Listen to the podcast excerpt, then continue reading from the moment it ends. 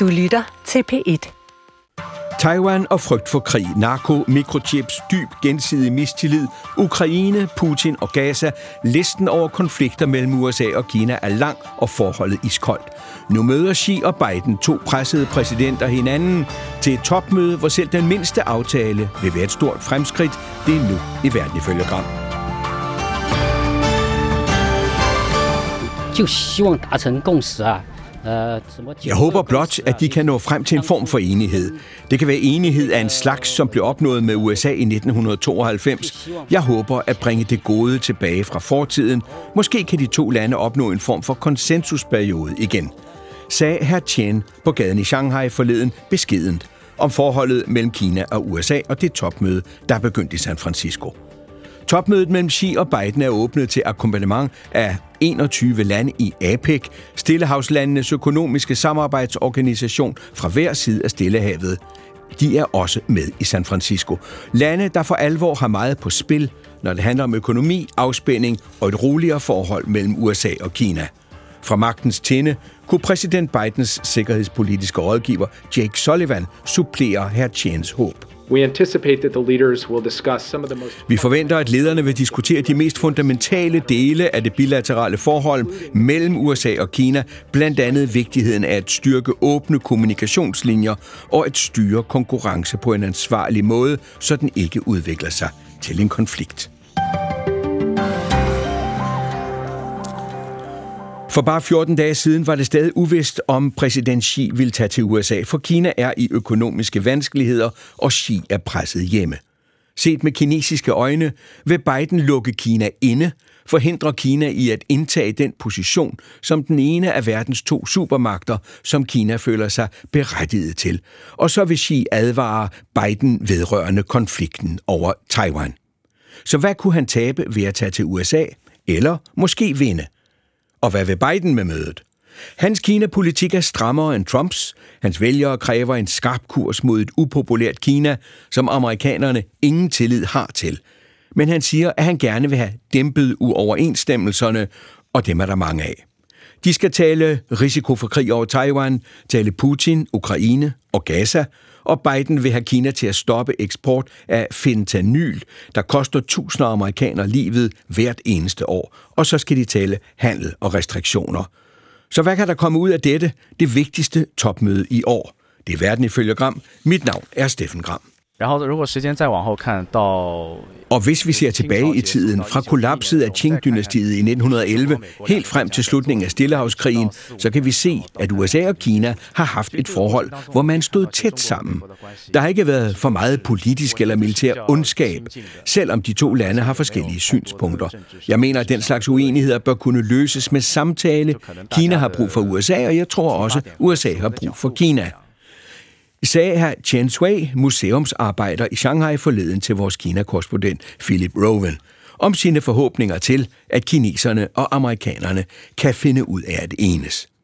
I Kina kører medierne nationalistiske kampagner. USA og Vesten er modstanderen, der forsøger at lukke Kina inde. Men musikproducenten Xiao Ma i Shanghai så på situationen mellem Kina og USA med, skal vi sige, civilistens øjne. 那确实是出于一些呃政治 Når de skændes skyld til nogle politiske forhold eller nogle interesseforhold mellem landene, men som civilist ser jeg måske lidt anderledes på de ting. Og så talte Philip Rowan igen med herr Chen. 最近三年，你的看法对美国是改改变了吗？ 这这三年肯定改 Har dit syn på USA ændret sig i løbet af de sidste tre år, spørger Philip Rowan. Ja, selvfølgelig har jeg ændret min holdning til USA de sidste tre år. USA forsøger at holde Kina nede, hårdt. USA blander sig i andre landes interne anlægner. Tusindvis af kinesiske virksomheder er blevet sanktioneret af amerikanerne. Kina vil ikke skabe problemer, men vi er ikke bange for problemer. Sådan er det. 不惹事不怕事，就是这样。 Ja, Philip Rowan, du er med os fra Shanghai. Hvor meget betyder de øh, stemmer, kinesernes holdninger, som dem, du har været ude at tale med, hvor meget betyder det, øh, øh, øh betyder de øh, i forhold til den interne situation i Kina? Det er jo ikke, fordi den almindelige kineser har direkte indflydelse på den politiske kurs her i Kina, men Kommunistpartiet skal jo retfærdiggøre deres politik over for egen befolkning, så når de taler dunder mod amerikanerne, så øh, bliver det optaget i befolkningen, og så legitimerer man sin egen politik derigennem. Og tonen hos de amerikanske, undskyld, de kinesiske myndigheder over for USA har jo været iskold i lang tid. Men så hører man lige pludselig, at tonen er blevet mildere her op til mødet. Hvad er det, partiets medier har fortalt kineserne om konflikterne mellem amerikanerne og Kina? Jamen, hvis, hvis jeg nu ernærede mig 100% på en mediediat fra det, fra det kinesiske, de kinesiske statsmedier, så vil jeg jo tro, at USA er et land i kaos, der er ved at falde fra hinanden, og jeg vil blive skudt og stukket med stoffer, inden jeg bare kommer ud af lufthavnen. Så det er fra en lav bar, vi har øh, forbedret mm. os. Men det, der er sket i løbet af, af de sidste par måneder, det er, at statsmedierne begynder at tale om, at Kina og USA kan sameksistere, men det er op til amerikanerne at korrigere deres kurs, og det er deres ansvar at sørge for, at, vi, at de, de to lande rent faktisk kan tale med hinanden og lave politik sammen igen. Og lad os så springe over Stillehavet til vores USA-korrespondent Philippe Kokar, der er i San Francisco. Philip, amerikanerne er mildt sagt ikke begejstret for Xi's Kina, og Kina er blevet mere og mere upopulært i USA i de seneste år. Hvorfor og hvordan kommer det til udtryk? Kina er øh, USA's fjende, det er der ikke øh, nogen som helst tvivl om, og det er fjende nummer et. Altså, jeg flyttede til øh, USA i sommer, og det er kommet bag på mig, både hvordan almindelige amerikanere, men også medier og politikere i den grad udtaler, at det, det er Kina, man en dag skal udkæmpe en krig med. Det, det hører jeg faktisk temmelig ofte. Og handler det så om Taiwan? Er det en krig om amerikansk eller kinesisk territorium? Det, det er meget uklart. Det kan godt være lidt vævende nogle gange. Men, men der er en opfattelse af, at det er Kina, der er fjenden. Der er fremtidens fjende. Det er ikke Rusland på den lange bane. Altså, man, man er enige om, at Kina er modstander, og det er kommet bag på mig. Jeg har jo selv boet otte år i Kina, at, at når man kommer over på den anden side, jamen, så er det så voldsom en retorik, man faktisk oplever, både øh, blandt helt almindelige mennesker, men også blandt folk med magt. Og så har der jo været tre vigtige amerikanske ministre i Kina inden for de seneste måneder, før Xi altså nu er kommet til USA. Hvad vil Biden have ud af sine møder med Xi? Jamen, du nævnte jo også selv, at Biden i virkeligheden har ført en nærmest hårdere kurs end hans forgænger Trump øh, over for Kina. Nu er vi nået til et punkt, hvor, hvor det også er svært for amerikanerne. Altså, vi har en, en krig i Ukraine, vi har en krig i Gaza. Man kan heller ikke have en tredje konflikt med, med, med Kina. Der er altså også økonomiske spørgsmål i det her, som også er en udfordring for USA. USA har heller ikke en interesse i, at Kinas økonomi får det sværere, end den i, i allerede i forvejen har. Og Biden bliver også ved med, og han driller os lidt sige med, at det går ikke så godt med den kinesiske økonomi. Så han antyder også hele tiden, måske er det her faktisk tiden til, at man kan rykke nogle små skridt øh, i forhold mellem USA og Kina. Vi skal dog også huske på, at vi skal have et amerikansk præsidentvalg til næste år. Ja. Så der er også grænser for, hvor meget Biden kan omfavne Kina og sige, fordi hans modstandere, som lige nu ser ud til at være Trump, det kan også blive en anden, vil være endnu hårdere over for Kina end Biden er i hvert fald i hans retorik. Tak skal du have, Philip Kukar, der var med os fra San Francisco. Og lad os så gå til Madrid. Jakob Funk Kirkegaard, seniorrådgiver og forsker ved German Marshall Fund, samt ved Peterson Institute i Washington. Øh, du bor i Bruxelles, hvor German Marshall Fund jo har sit. Nu er du så, som jeg siger, i Madrid. Og Jakob, Obama var ham, der talte, den amerikanske præsident, der talte om pivot til Asia, og så Kina som en trussel mod USA og den vestlige verdensorden. Trump indførte 12-tariffer, forbud mod import af en lang række række kinesiske varer, specielt elektronik. Jeg tror, de fleste husker Huawei. Biden er gået endnu længere end Trump. Hvor ødelæggende er det økonomiske forhold mellem de to? Jamen altså, jeg vil sige, på, på kort sigt er der vel tale om, at, at, at forholdet er stagneret. Ikke? Altså, hvis du ser på den totale samhandel, så ligger den relativt flad, og det vil selvfølgelig sige, at den falder som en procentdel af BNP i begge lande. Så begge lande bliver, bliver mindre vigtige for hver andre. Og så er der så selvfølgelig specifikke øh, industrier. Øh, du nævnte et par af dem, ikke? altså high-tech og så videre, hvor amerikanerne har, har indført ret vidtrækkende eksportrestriktioner. Um, så det er klart, at, at der har det haft en større effekt. Uh, men det vi også har set, er, at de investeringerne, de gensidige investeringer er faldet dramatisk. Der er stort set ingen kinesiske virksomheder, der investerer i Kina eller i USA længere, øh, og, og amerikanske investeringer i Kina er faldet dramatisk. Og så er der faldet, øh, så er der et meget, meget kraftigt fald i, i skal vi sige, de mellemfolkelige uh, interageringer. Altså, der er ikke så mange turister, der kommer, uh, amerikanske turister i Kina, der er ikke så mange studerende og forretningsfolk og den slags ting. Så det er et forhold, som uh, har lidt et knæk, mm. uh, kan man sige øh, i forhold til, øh, hvor det var øh, for nogle år siden. Men jeg tror stadig ikke, at øh, medmindre der kommer en eskalering hen over Taiwan-krise, øh, øh, hen over Taiwan, så kommer der ikke et afgørende økonomisk knæk øh, mellem de to. Fris Arne Petersen, tidligere ambassadør i Beijing og i Washington, og så har du været direktør for Udenrigsministeriet her i København. Øh, Fris Arne, topmødet mellem Xi og Biden finder sted, fordi der er et APEC-topmøde. Og APEC er som sagt de 21 lande på begge sider af Stillehavet, der er med i Stillehavslandenes økonomiske samarbejdsorganisation. Det lyder vældig kedeligt, men det er i virkeligheden vældig, vældig vigtigt. Hvor meget betyder det for alle disse lande, øh, at Biden og Xi kan håndtere deres politiske konflikter? Det betyder utrolig meget, fordi alle de her lande er jo naboer til hinanden og repræsenterer formentlig over halvdelen af verdens BNP. Så det, at der er politisk stabilitet, forudsigelighed, tillid til hinandens politikker, og at de ikke behandler hinanden som fjender, i hvert fald økonomisk og handelspolitisk, er enormt vigtigt for det fremtidige samarbejde. Man kan ikke udbygge handel, hvis man ikke tror på hinanden, hvis ikke man tror, man kan holde fred med hinanden. Og nu skal de to pressede præsidenter, Xi og Biden, i aftendans tid så bruge fire timer, efter det utal af timer, deres eksperter allerede har brugt, til at forsøge at håndtere konflikterne, hvis de altså kan.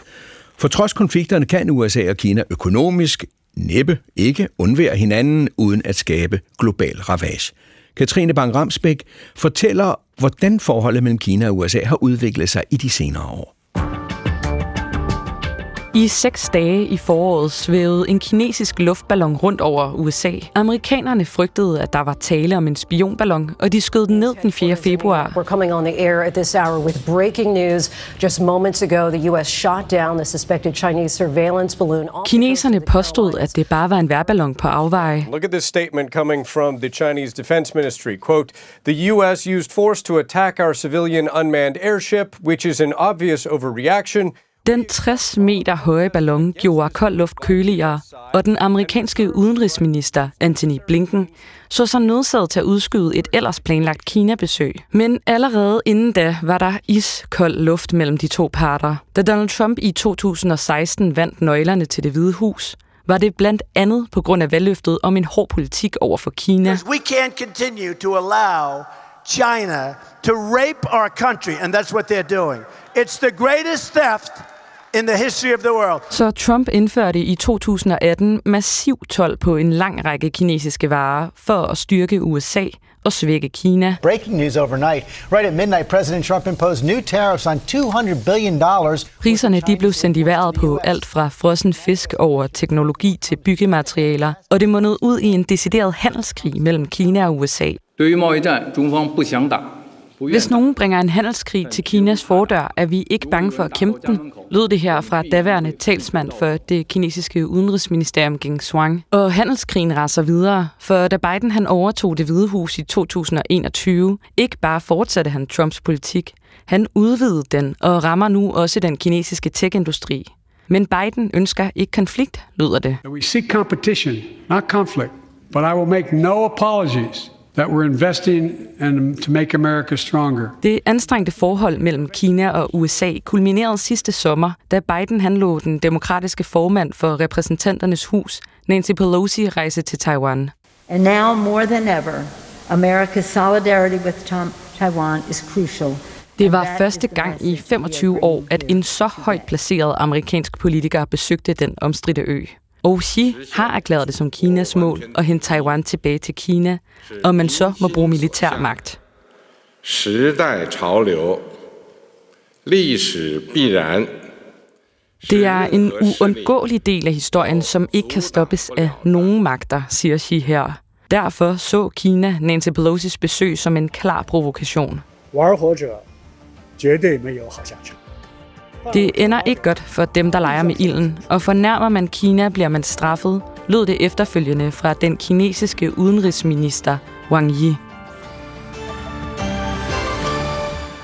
Taiwan er den helt store knast i forholdet mellem Kina og USA, og vi vender tilbage til Taiwan. Men bag den knast, der ligger jo spørgsmålet om, hvordan en gammel supermagt giver plads til den nye på vej op. Og øh, Fris Arne Petersen, hvor langt skal vi tilbage for at kunne sætte en finger på forholdet mellem USA og Kina og sige, det er her konflikten begynder? Jamen, jeg tror, den har været undervejs indrigspolitisk i USA i en del år længere tid end det formelle forhold, det reelle forhold mellem de to lande i virkeligheden har været for nedadgående. Jeg tror, Obamas pivot to Asia og containment-politik, altså i virkeligheden de sidste 10 år, har været en eye-opener for ikke mindst Xi Jinping. Han var i Kalifornien i 2013, mm. havde en meget lang, øh, dybgående samtale med Obama, og kom med nogle forskellige kinesiske forslag, som ikke blev rigtig kommenteret fra amerikansk side om et særligt stormagtsforhold mellem USA og Kina. Siden dengang tror jeg, kineserne er kommet der, hvor man kan se, at den amerikanske efterretningsrapport, som det amerikanske forsvarsministerium lige har skrevet, hvor de citerer den kinesiske præsidents tale til Folkekongressen i år, i marts, for noget, der lyder ret stærkt, at de vestlige lande, ført an af USA, har gennemført en comprehensive containment, encirclement and suppression against us. Øhm, altså, i virkeligheden tror jeg, et, et kinesisk facit af måske de sidste 10 års udvikling. Mm.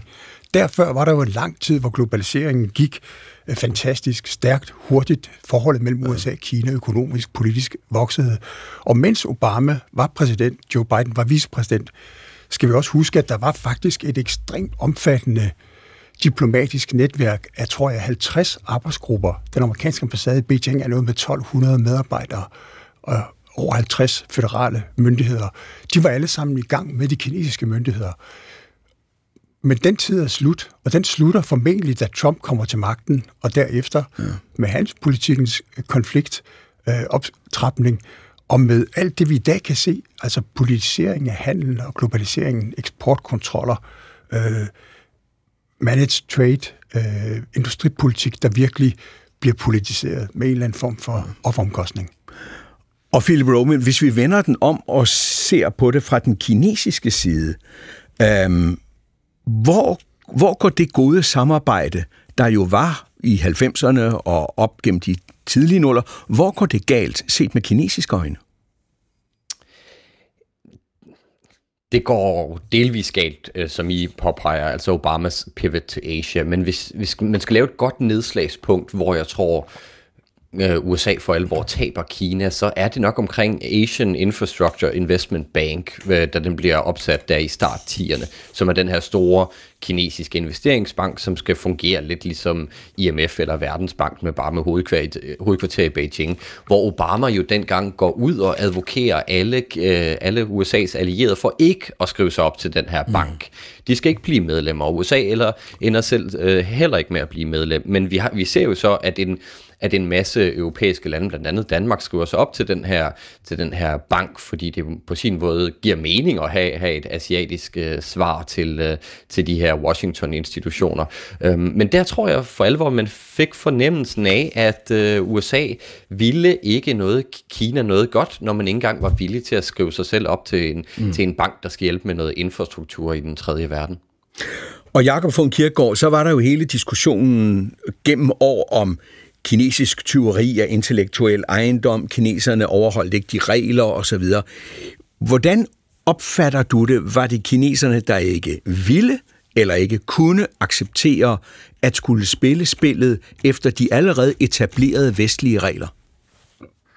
Jamen, der er jo ingen tvivl om, at Kina har med sine meget omfattende industrielle subsidier osv omgået, om jeg så må sige, øh, øh skal vi sige, sjælen i øh, WTO-reglerne. Øh, fordi at de har jo skabt et øh, fordrejet økonomisk øh, forhold til USA på den måde. Ikke? Men, øh, og, og jeg tror ikke, man skal undervurdere sådan, i det folkelige USA, eller sådan på den, på den menige mand, altså den her idé, øh, som desværre, må jeg sige, også er blevet fremlagt af mange økonomer, om, om Kinas chokket Øh, altså det er i virkeligheden er Kinas skyld, at den amerikanske middelklasse og industrijobsen er forsvundet osv. Øh, at det er en af de, øh, en af de folk, folk, skal vi sige, politiske fundamenter, som har gjort, at øh, der er den her også folkelige skepsis i forhold til Kina øh, blandt mange amerikanere. Altså det er øh, øh, selvfølgelig, øh, har Kina som sagt efter min mening ikke spillet med, med fuldt ud rene kort øh, på den måde, man har engageret sig i øh, i verdenshandlen. Men på den anden side set, øh, øh, så kan man jo sige, at det har USA jo heller ikke gjort øh, i de seneste år. Vel? Øh, men altså, hvorom alting er, når det kommer til, øh, til økonomi og den slags ting, og rivaliseringen, ja, altså der, hvor jeg tror, den, øh, den virkelig tager fart, øh, det er jo, da det da det går op for USA, at Kina rent faktisk er på vej til at blive nummer et. Mm. Øh, og at øh, du selvfølgelig også, hvis du ser på den militære balance i øh, det, det østlige Stillehav, jamen så har du også, eller undskyld, det vestlige, det vestlige Stillehav, Stillehav, så ja. har du også øh, øh, en, en, øh, en stadig hvad hedder det, kinesisk øh, oprustning, som, som gør, at amerikanerne jo ikke længere øh, kan føle sig som militært sikre på at kunne intervenere i Taiwan og den slags ting. Så der er sådan nogle, skal vi sige, dybtgående strukturelle ting, som også gør, at øh, øh, den her rivalisering tager fart øh, i de sidste 10 år dybtgående strukturelle ting, siger du. Og så har man så en situation, hvor amerikanerne skyder den kinesiske ballon ned, og der kan man diskutere, hvad var det for en ballon? En spionballon, eller en almindelig klima- eller overvågnings? Hvad var det for noget? Kineserne rasede over USA's, hvad man kaldte hysteriske øh, reaktion. Øh, amerikanerne var jo forarvet, og Kina-modstanderne der sagde, der kan I bare se, vi aftaler forhandlinger, og det var det, man havde gjort på Bali sidste år mellem Xi og Biden, og se så, hvad de gør. Men så er der altså, som vi har talt om siden sommer, der har Biden-administrationen skubbet på for at få forhandlingerne i gang og sendt flere tunge ministre til Kina, blandt andet finansminister Yellen. Efter forhandlinger, der sagde hun det her. The United States has no desire to decouple from China. USA har intet ønske om at afkoble sig fra Kina. En fuldstændig adskillelse af vores økonomier vil være en økonomisk katastrofe for begge vores lande og for verden i det hele taget. Vi søger at skabe et sundt økonomisk forhold til Kina, hvilket over tid vil være til gavn for os begge. Altså katastrofe, hvis de to landes økonomier bliver afkoblet.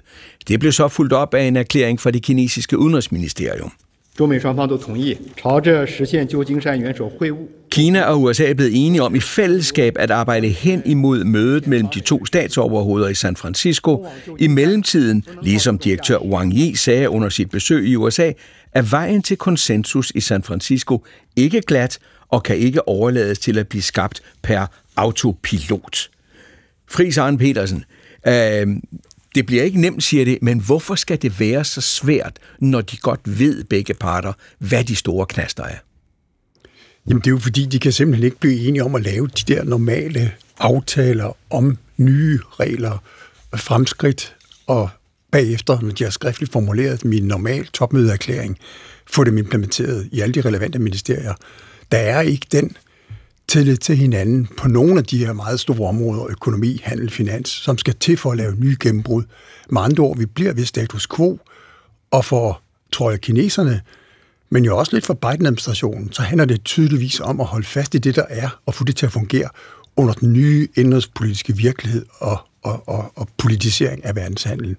Og det i sig selv er jo svært nok.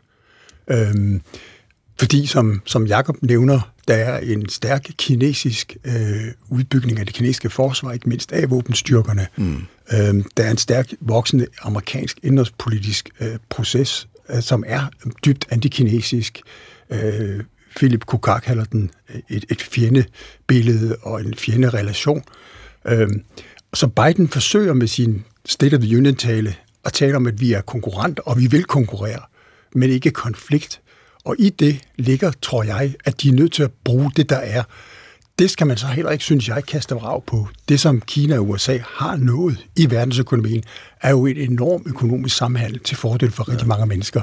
Og hele APEC-konstruktionen, vi kalder det her i den her øh, udsendelse for lande, APEC er lavet som økonomier. Det er derfor, at Hongkong, mm. det er derfor, at Taiwan er med. Og det er jo fordi, det handler om det økonomiske samarbejde. De ville kun høste fordele af alle sammen nye aftaler. Ja. Der har faktisk været et forsøg, og der er en, øh, overvejelse i Biden-administrationen omkring en handelspolitisk aftale med dele af APEC-landene, som kunne være en slags ny handelsaftale. Den er bare meget svær at få igennem kongressen, ja. og Trump vil skyde den ned, hvis han fik chancen. Og det handler jo så også om øh, den situation, fordi vi har øh, vi har selve konflikterne, men så har vi også, Philip Rowan, to øh, præsidenter, der jo, skal man sige det på den måde, ikke er stærke. Øh, vi ved, Xi Jinping er presset. Vi ved også, at øh, Biden er presset af hele den politiske, øh, indrigspolitiske situation i, øh, i øh, USA og valget om et år. Øh, Philip Xi Jinping, øh, hvor, hvor stort, hvor svært er det for ham at gå ind i de her forhandlinger med Biden, når han samtidig er svækket? At du skal ikke fortælle Xi, at han er svækket herhjemme, så tror jeg, så tror jeg du kommer i problemer. Jeg tror, han stadigvæk ser sig selv som, som ret almægtig, og det kan vi også se på det, den personaleudskiftning, han har haft i toppen af Kommunistpartiet mm. bare i løbet af de sidste seks måneder. Men hvis vi nu tager dit svar for gode, så har det kinesiske system et problem i den politik, der både bliver ført fra USA nu, og den, der bliver ført fra Europa. Altså det her med, at man kalder øh, Kina for en, en partner, en konkurrent og en rival det har man i Beijing enormt svært ved at acceptere. Altså man ser det meget mere binært. Man synes, det er skizofrent, når amerikanerne og europæerne taler om det her med, at man både skal kunne konkurrere og partner op, og så være rivaler samtidig. Og det gør, at når, når de møder, når Xi møder op til sådan et møde her, så skal han til at finde ud af, er det her, er vi over i rivalkassen her, eller er vi i partnerkassen? Og det er jo derfor, når især Kina udtaler sig om ting rundt om i verden, som ikke har direkte med USA at gøre, så er det enten, at øh, den sag, de udtaler som om, der, der, det er op til, øh, der er det op til de parter, som står i det andet hjørne end USA, og, og gør det rigtigt, fordi USA gør det forkert. Men det er også, at man mangler nogle gange evnen til at give autonomi til lande, som ikke er USA. Og det betyder bare, at hver gang Kina skal ud og, og, og snakke med folk i verden, så kommer man ofte til at stå på det forkerte sted, fordi man ikke er villig til at acceptere, at nogle lande altså har et, et ret diverst syn på, hvordan Kina fungerer og ikke fungerer. Og så kan det godt være, at Xi Jinping ikke vil acceptere, at han er svag, Øh, der er så andre, der mener, at han ikke nødvendigvis er så stærk. Jeg bad Kjell Erik Brødskov, der er professor på CBS og ekspert i kinesiske forhold, om at give sit bud på Xi Jinpings styrke og position i Kina før mødet med Biden. Der er ingen tvivl om, at han har fortsat grebet om magten i Kinas kommunistiske parti. Men i Kina som sådan, blandt befolkningen, der svinder, synes jeg, at kunne konstatere opbakningen langsomt. Og det skyldes jo blandt andet øh, en øh, økonomisk udvikling, som er ganske dårlig for Kina. Økonomien er gået i stå. Øh, ejendomssektoren er gået i stå. Øh, der er arbejdsløshed, stigende arbejdsløshed. Øh, omkring 20 procent af de unge er arbejdsløse. Eksporten er faldende. Altså i det hele taget har økonomien nogle, øh, nogle ganske alvorlige problemer. Og det skaber en udbredt pessimisme i den kinesiske befolkning. Der er en pessimisme, som jeg ikke har kunnet se de sidste 40 år, hvor jeg har besøgt Kina. Altså, der er ikke den der store forhåbning om, at fremtiden bringer eh, bedre tider. Der er pessimisme, og hvad skyldes det? Jo, men det skyldes jo altså, at økonomien er, er gået i stå, og det skyldes jo også, og det forbavsede mig meget, da jeg var i Kina her i september, en udbredt frygt for krig Altså, der er mange, der taler om, at der, der muligvis skal udbryde en krig omkring øh, uh, Taiwan-strædet. Og det gør jo så, at folk ikke forbruger, og det var jo ellers uh, omlægningen af økonomien for et par år siden, at man i stedet for investering som drivkraft i økonomien skulle have forbrug. Men folk i Kina forbruger ikke, de sparer op, fordi de er usikre om fremtiden. Og når de er usikre om fremtiden, ja, så forbruger man ikke, så sparer man op. Så, så der er altså en række spørgsmål, som langsomt øh, er i færd med at erodere øh, styrets legitimitet og den folkelige opbakning øh, bag Xi Jinping. Ja, Philip Rowan, som Kjell Brødsgaard siger, eroderer styrets legitimitet. Hvad er der blevet af den sociale kontrakt mellem parti og befolkning, der siger, at partiet sørger for, at alt går godt, og folket lader partiet bestemme? Hvordan er den situation i dag? Jamen, den fik jo et ordentligt los over skinnebenet under corona, fordi at det kan jo være nemt for os, der sidder udefra og sige, at øh, kineserne har jo aldrig haft øh, de her fundamentale friheder, som forsamlingsfrihed og ytringsfrihed osv. Men for den almindelige kineser i løbet af de sidste 30 år, har det ikke rigtig været noget problem. Altså, du kan, du kan sige, hvad du vil om det meste. Du, behøver, du skal bare ikke øh, sige noget ondt om, øh, ondt om lederskabet, så har du det fint. Så med mindre du har været kunstner, med migrantarbejder, aktivist eller feminist, menneskerettighedsadvokat, så er du måske ikke løbet direkte ind i systemet undervejs. Men det gjorde vi altså i 2022, hvor jeg bor i Shanghai, altså det er øh, den, den rigeste by i Kina, det er her middelklassen holder til, og da de fandt ud af, hvad det her autokratiske styre kan gøre ved dem, når det har lyst, så var det et kæmpe chok. Altså mm. det, det, er, det er svært at underdrive. Jeg stod under protesterne i november, øhm, da, da det endelig kom til protester efter de her tre år, tre år med corona, og der kom en ung mand op ved siden af mig og sagde, we have no freedom, we have no freedom, China has no freedom. Og det var jo fuldstændig åbenlyst for mig, men det var helt tydeligt, at det lige var gået op for ham. Ja. Jakob von Kierkegaard lader sig vente om at sige, at øh, der er to præsidenter i det her spil, der nu sætter sig her om øh, senere på dagen og skal tale sammen, og det er Biden. Biden er også presset. Øh, de sidste tal, meningsmålinger, og jeg ved godt, at Biden siger, at meningsmålinger stemmer ikke. Nej, men de kan godt afspejle øh, stemningen blandt dem, der skal stemme. 14 procent af amerikanerne siger, at han håndterer øh, økonomien forkert. Det er ret vildt. Eller der, der er kun 14 procent, der siger, at det går godt med økonomien. Resten mener ikke, det går specielt godt.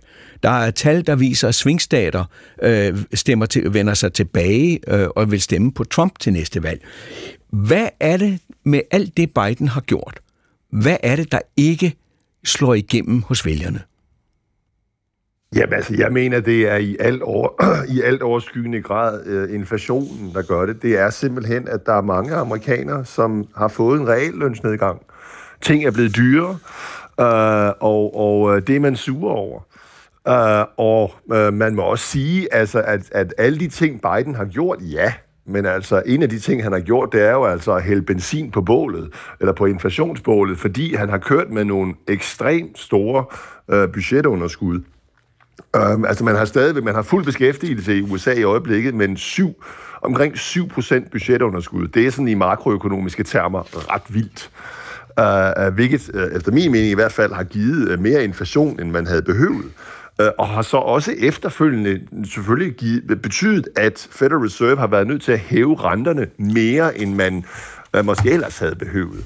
Og det er klart, det øh, gør jo så også, at amerikanske husejere bliver ramt. Det bliver, det bliver øh, dyrere at refinansiere deres lån osv. Så, videre. så der er, altså, øh, selvfølgelig har Biden genereret fuld beskæftigelse, men øh, hvis, hvis middelklassen føler, at øh, gennemsnitsamerikanerne med et arbejde føler, at at alting er blevet dyrere, og man ikke længere øh, er så rig, som man, som man øh, måske troede, jamen så bliver man, så bliver man utilfreds.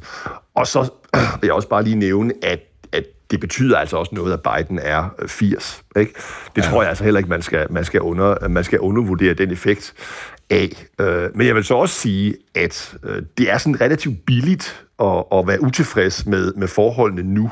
Vi er stadigvæk et år øh, ude fra øh, valget, og hvis det viser sig, at det bliver Trump øh, mod Biden, når vi kommer tættere på valget, jamen så er der jo stor sandsynlighed for, at Trump vil være en dømt øh, kriminel. Uh, og så får man jo altså et noget mere, skal vi sige, uh, et, et dybgående valg for USA. Hvad for et land skal det være? Uh, så jeg vil, jeg vil stadigvæk sige, at, at uh, hvis man så også, også ser på de her valgresultater, man havde i, uh, i, i USA for et par uger siden, hvor det jo viste sig rent faktisk, at demokraterne gjorde det rigtig mm, godt ja. i forskellige delstater, fordi det til sydenlande viser sig, at abortdebatten stadigvæk kan mobilisere mange demokratiske vælgere. Så jeg tror ikke, det ser helt så sort ud, som uh, de øjeblikkelige meningsmålinger viser for Biden, fordi vi altså som sagt stadigvæk har ja. et år at køre på. Jeg skal lige til lytterne fortælle, hvem gæsterne er i dag i denne her samtale, vi har i Verden ifølge Gram om topmødet mellem Xi og Biden. Og det er Friis Arne Petersen, tidligere direktør for Udenrigsministeriet, ambassadør i blandt andet Washington og Beijing. Og nu er du selvstændig erhvervsdrivende, men følger jo, som vi ved, intenst med i, hvad der foregår i den politiske og diplomatiske verden. Philip Rowan, DR's Kina-korrespondent siden foråret 2022. Du har boet i Kina siden 2018 og taler flydende mandarin. Du har studeret kinesisk politik og økonomi på Renmin Universitet i Beijing. Og så har vi Jakob von Kirkegaard, økonomisk forsker og seniorrådgiver ved både Peterson Institute i Washington D.C. og German Marshall Fund i Bruxelles med. Øh, du bor nu i Bruxelles efter mere end 20 år i USA, og så har du en Ph.D. i politisk økonomi. Jeg kan sige til lytterne med det samme, at vi kunne sagtens have brugt halvanden time, mindst måske to, til at tale det her igennem. Men nu har vi i hvert fald sat scenen og præsenteret de medvirkende i det politiske spil, der udspiller sig i San Francisco i dag i morgen. Lad os så tage øh, nogle af de punkter, som øh, de to præsidenter vil diskutere. Philip Rowan, Taiwan. Det er næppe forkert at sige, at Taiwan er det vigtigste. Hvad er det for et budskab, Xi vil aflevere? Hvad er det, han kræver af Biden? Det er egentlig ret lige til. Taiwan er en del af Kina, og det skal I ikke blande jer i. Men der skal være præsidentvalg på Taiwan øh, til januar.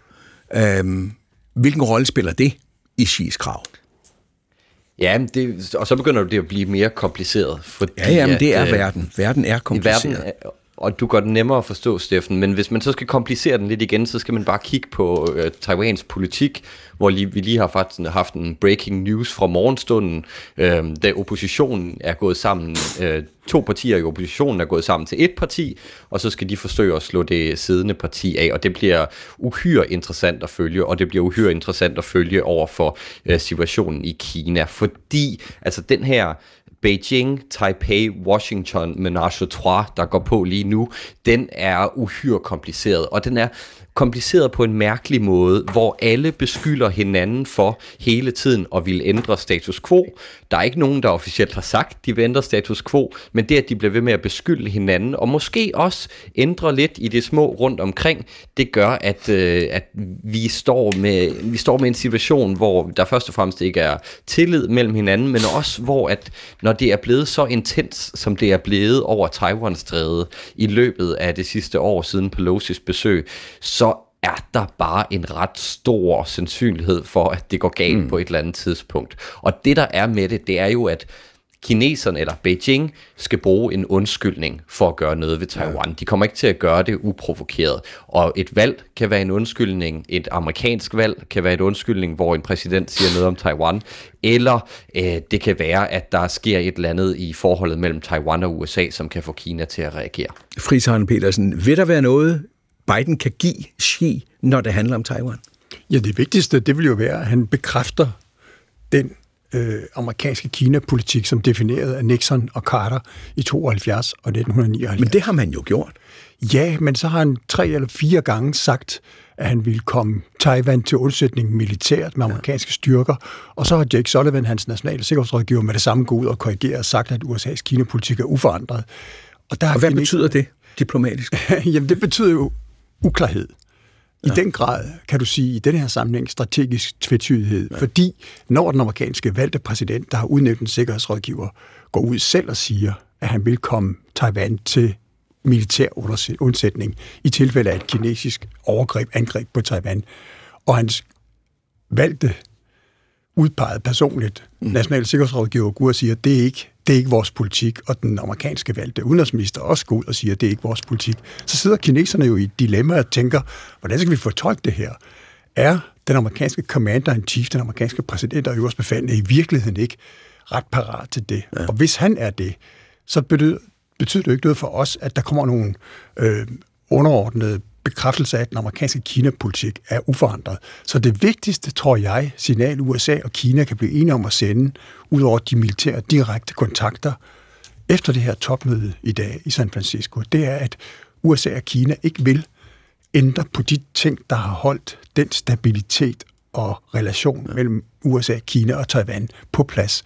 Hvis det her valg, som selvfølgelig Taiwan, set med vores øjne, set med amerikanske øjne, er et valg, hvor man har lov til at gå ud og sige, hvad man vil, og gå til valg på det, man så ønsker. Og der er der forskellige holdninger i Taiwan. Nogle siger, det skal være status quo, som Philip han beskriver det. Andre siger, det skal ændres. Vi vil være fri, vi vil være selvstændige. der må hverken Kina eller amerikanerne gå ind og blande sig i den politiske debat, fordi så ændrer du den strategiske stabilitet, det som hele APEC-kredsens økonomi har brug for, at det hele kan fortsætte, som det var, og at vi kan fortsætte vores økonomiske ekspansion. Så altså uklarhed om Taiwan, bliver det ved med at være der eller ej, det får vi at se øh, om et døgns tid. Øh, Fris Arne Petersen, ligesom Jakob Funk nævnte øh, den militære kommunikation, den nævnte du også lige.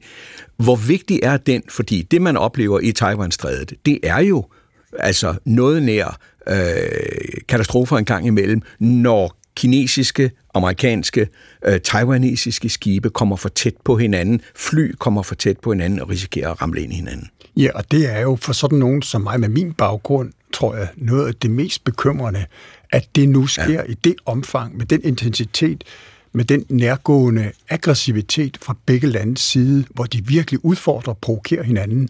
Og hvis der sker et uheld, militært, Gud forbyde det, så er der ikke nogen direkte kommunikation, hverken mellem det kinesiske og det amerikanske militær, eller mellem deres øh, øverste kommanderende. Og det var efter Nancy Pelosi's rejse til Taiwan sidste år, hvor kineserne stoppede med at tage øh, telefonopkald fra USA. Ja, i den grad, og det har jo skræmt hele APEC-kredsens øh, økonomi og lande, men jo også alle os andre i verdensøkonomien, som har en interesse i en eller anden form for fredelig, stabil relation, hvor man kan tale sammen, og hvor man kan begynde at forklare eller anklage eller beskylde hinanden for de ting, der så er.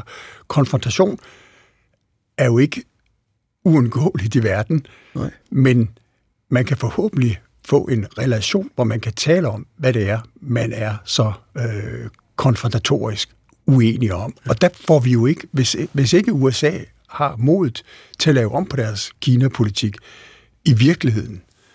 Øhm, og det synes jeg egentlig er en af de få lyspunkter i også Trumps øh, Kina-politiske diskurs, at han siger en række meget stærke ting om Kina, men han siger aldrig, at han vil lave om på det grundlæggende forhold. Og det tror jeg er meget vigtigt for kineserne at holde fast i, og derfor heller ikke for kinesisk side at eskalere overfor.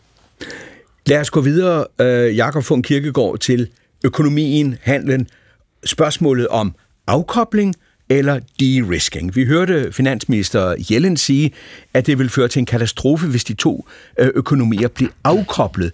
Så man taler om de-risking. Hvad er det for noget? Jamen, det er faktisk et rigtig godt spørgsmål. Det er der ikke rigtig nogen, der ved. Men jeg synes egentlig, det, at, at, at det væsentlige er, at de-risking er jo et begreb, som om så må sige, er opfundet i Bruxelles øh, af, af EU-kommissionspræsident von der Leyen, fordi at, at man netop ikke ville Øh, øh, gå øh, hele vejen og, og lave fuld afkobling, som det jo i hvert fald indtil for nylig var, øh, skal vi sige, den amerikanske, øh, det, var, det var i hvert fald implika- implikationerne af de øh, øh tiltag, den amerikanske regering øh, gjorde, at det var det, man ville. Øh, så på det her område er det sådan set øh, øh på sin vis, vil jeg mene, øh, at, at Biden-administrationen rent faktisk har flyttet sig lidt i retning af det europæiske standpunkt i forhold til øh, fortsat øh, økonomisk interaktion med Kina. Um, men altså, som jeg sagde tidligere, så, så er det et forhold, et økonomisk forhold i forfald, øh, i stagnation, øh, på grund af øh, dels de amerikanske tolvtariffer, og dels selvfølgelig eksportkontrol, øh, og så øh, en, en meget kraftig nedgang i de gensidige investeringer. Um, men det er jo ikke sådan, at det her forhold, øh, det amerikansk-kinesiske forhold, er det drivende økonomiske øh, kraft for, for hverken Kina eller, øh, eller USA. Uh, øh, og som det flere gange har været nævnt, jamen, så er den kinesiske økonomi øh, efter min mening øh, inde i en, en strukturel opbremsning, øh, som øh, hvis Xi Jinping fortsætter med den nuværende økonomiske politik, så ender det efter min mening med en situation, som øh, kommer til at ligne Japan. Ikke af de helt samme årsager, men en, en meget langvarig øh, økonomisk stagnation øh, i Kina. Uh, hvilket så igen uh, til syvende og sidst, efter min mening, vil have den effekt, at Kina formentlig aldrig bliver uh, verdens største økonomi målt i mm. uh, uh, internationalt, eller målt i dollars for eksempel. Ikke? Jeg kan lige, øh, sige, det, det, jeg kan så... lige sige til dig, Jacob, undskyld lige afbryder dig, at Friis Arne Petersen har lige stukket med en seddel i hånden, hvor der står, IMF er kommet her i november 23, med, hvor de har haft en mission i Kina, Og de skriver IMF, den internationale valutafond, i deres rapport, at Kinas vækst i 23 bliver på 5,4 procent, og i 24 4,6 procent. Det er jo ikke meget i en kinesisk kontekst. Nej, men altså, de, nu er det jo altså også sådan, at kinesiske væksttal, øh, hvad betyder det? Jamen det betyder, det har jo i mange år betydet, at man har bygget en masse øh, lejligheder og en masse huse og en masse øh, veje, som ikke rigtig fører nogen steder hen. Det, er jo ikke, det, betyder, det betyder, at man får højere BNP, man får investeret en masse, men det betyder ikke, at man får lavet en økonomi, som øh, på sigt øh, kan generere velstand til den menige kineser. Altså jeg mener, at man skal tage øh, de her BNP-tal uh, i Kina uh, med, med meget, meget stort gram salt, Uh, og, og, og jeg mener faktisk, at man har en situation uh, i Kina i øjeblikket, hvor man, uh, man har en vækstmodel, altså du talte tidligere om den der sociale kontrakt, ja. som er blevet brudt.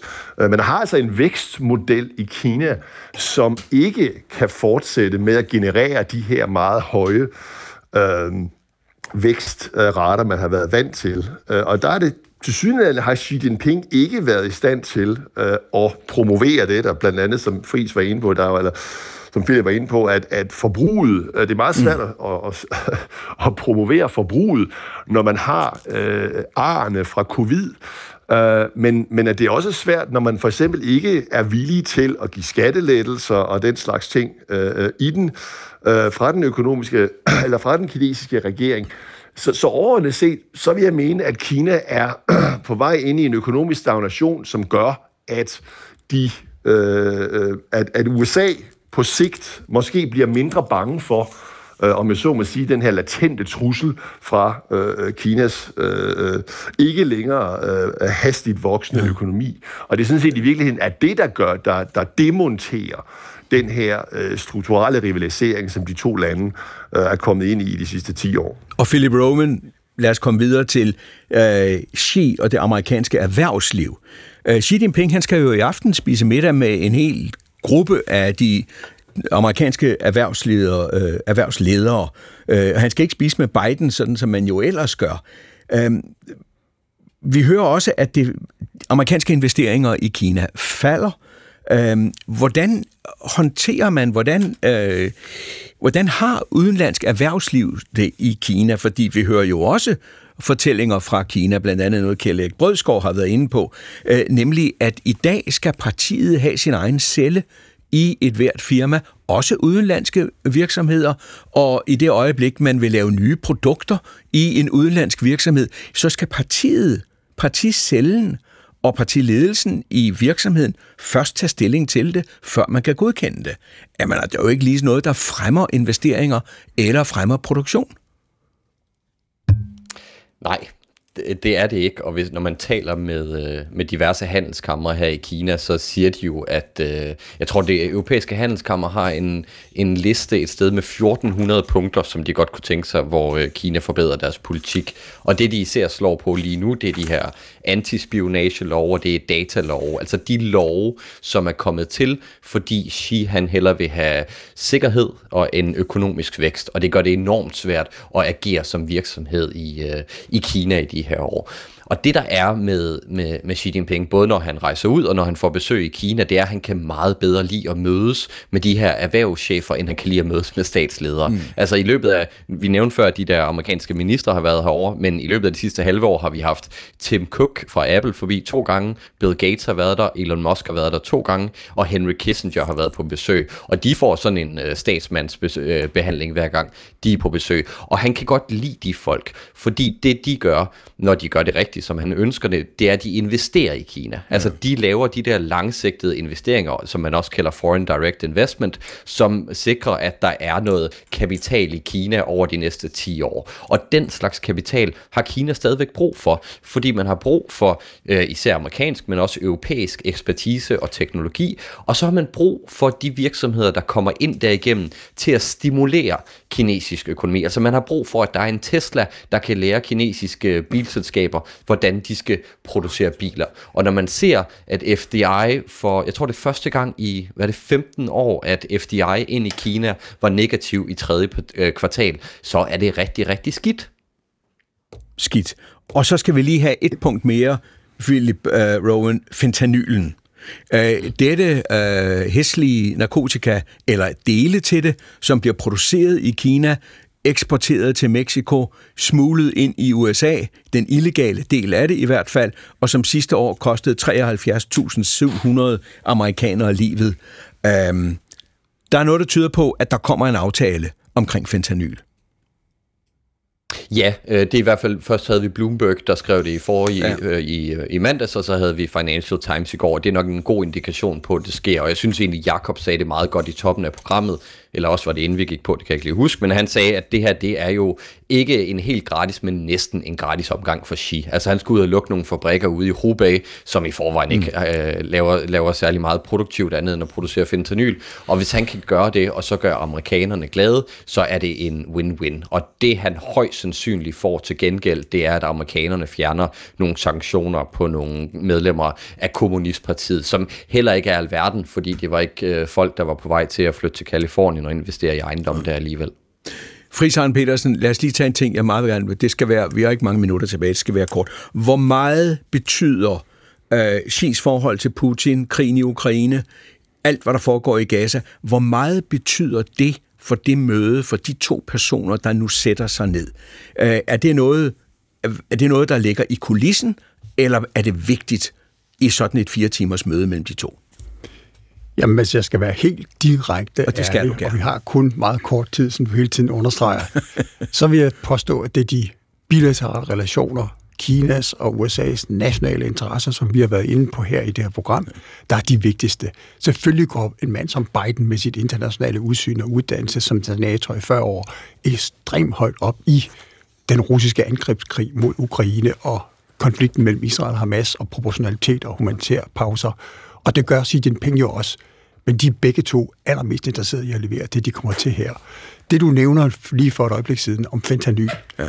Hvis man kender amerikansk indrigspolitik, som du gør, og ved, hvilken krise den store opioid-krise ja. har været i USA, så er det et kæmpe deliverable fra Bidens side af det her San Francisco-topmøde med Xi Jinping.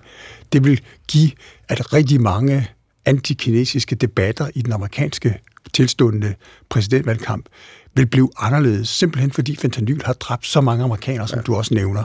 Det er et kæmpe problem i USA. Det er værre end heroin og de stærkeste narkotika. Philip Rowan, vi skal lige prøve at konkludere nu.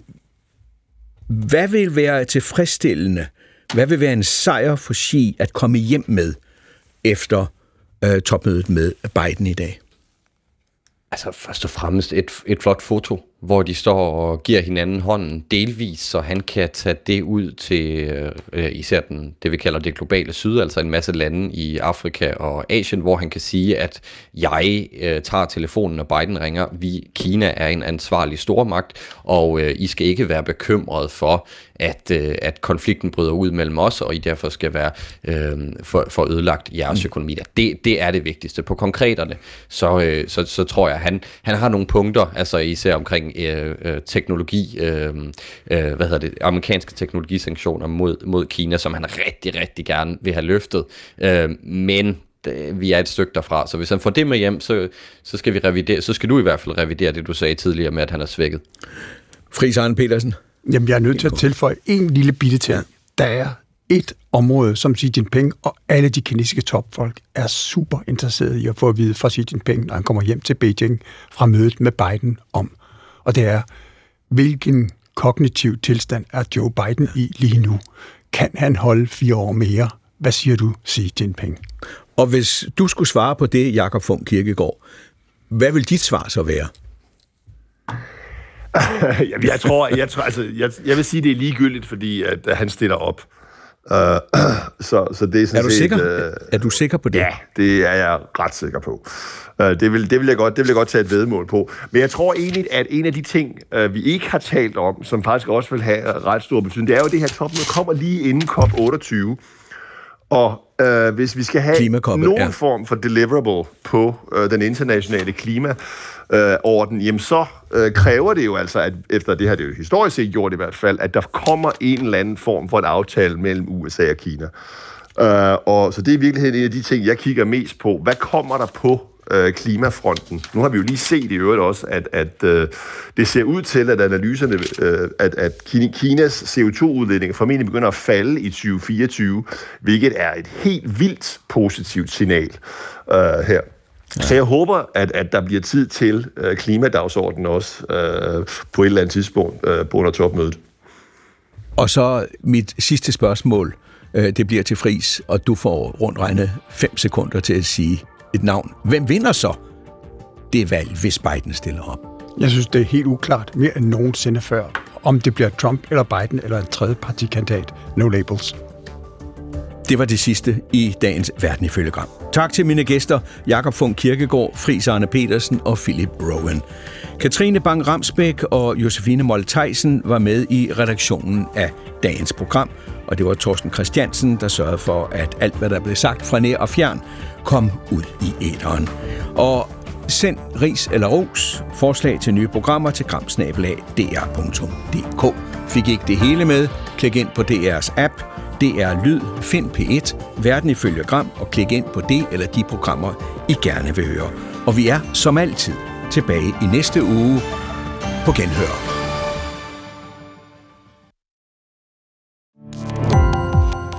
Gå på opdagelse i alle DR's podcast og radioprogrammer. I appen DR Lyd.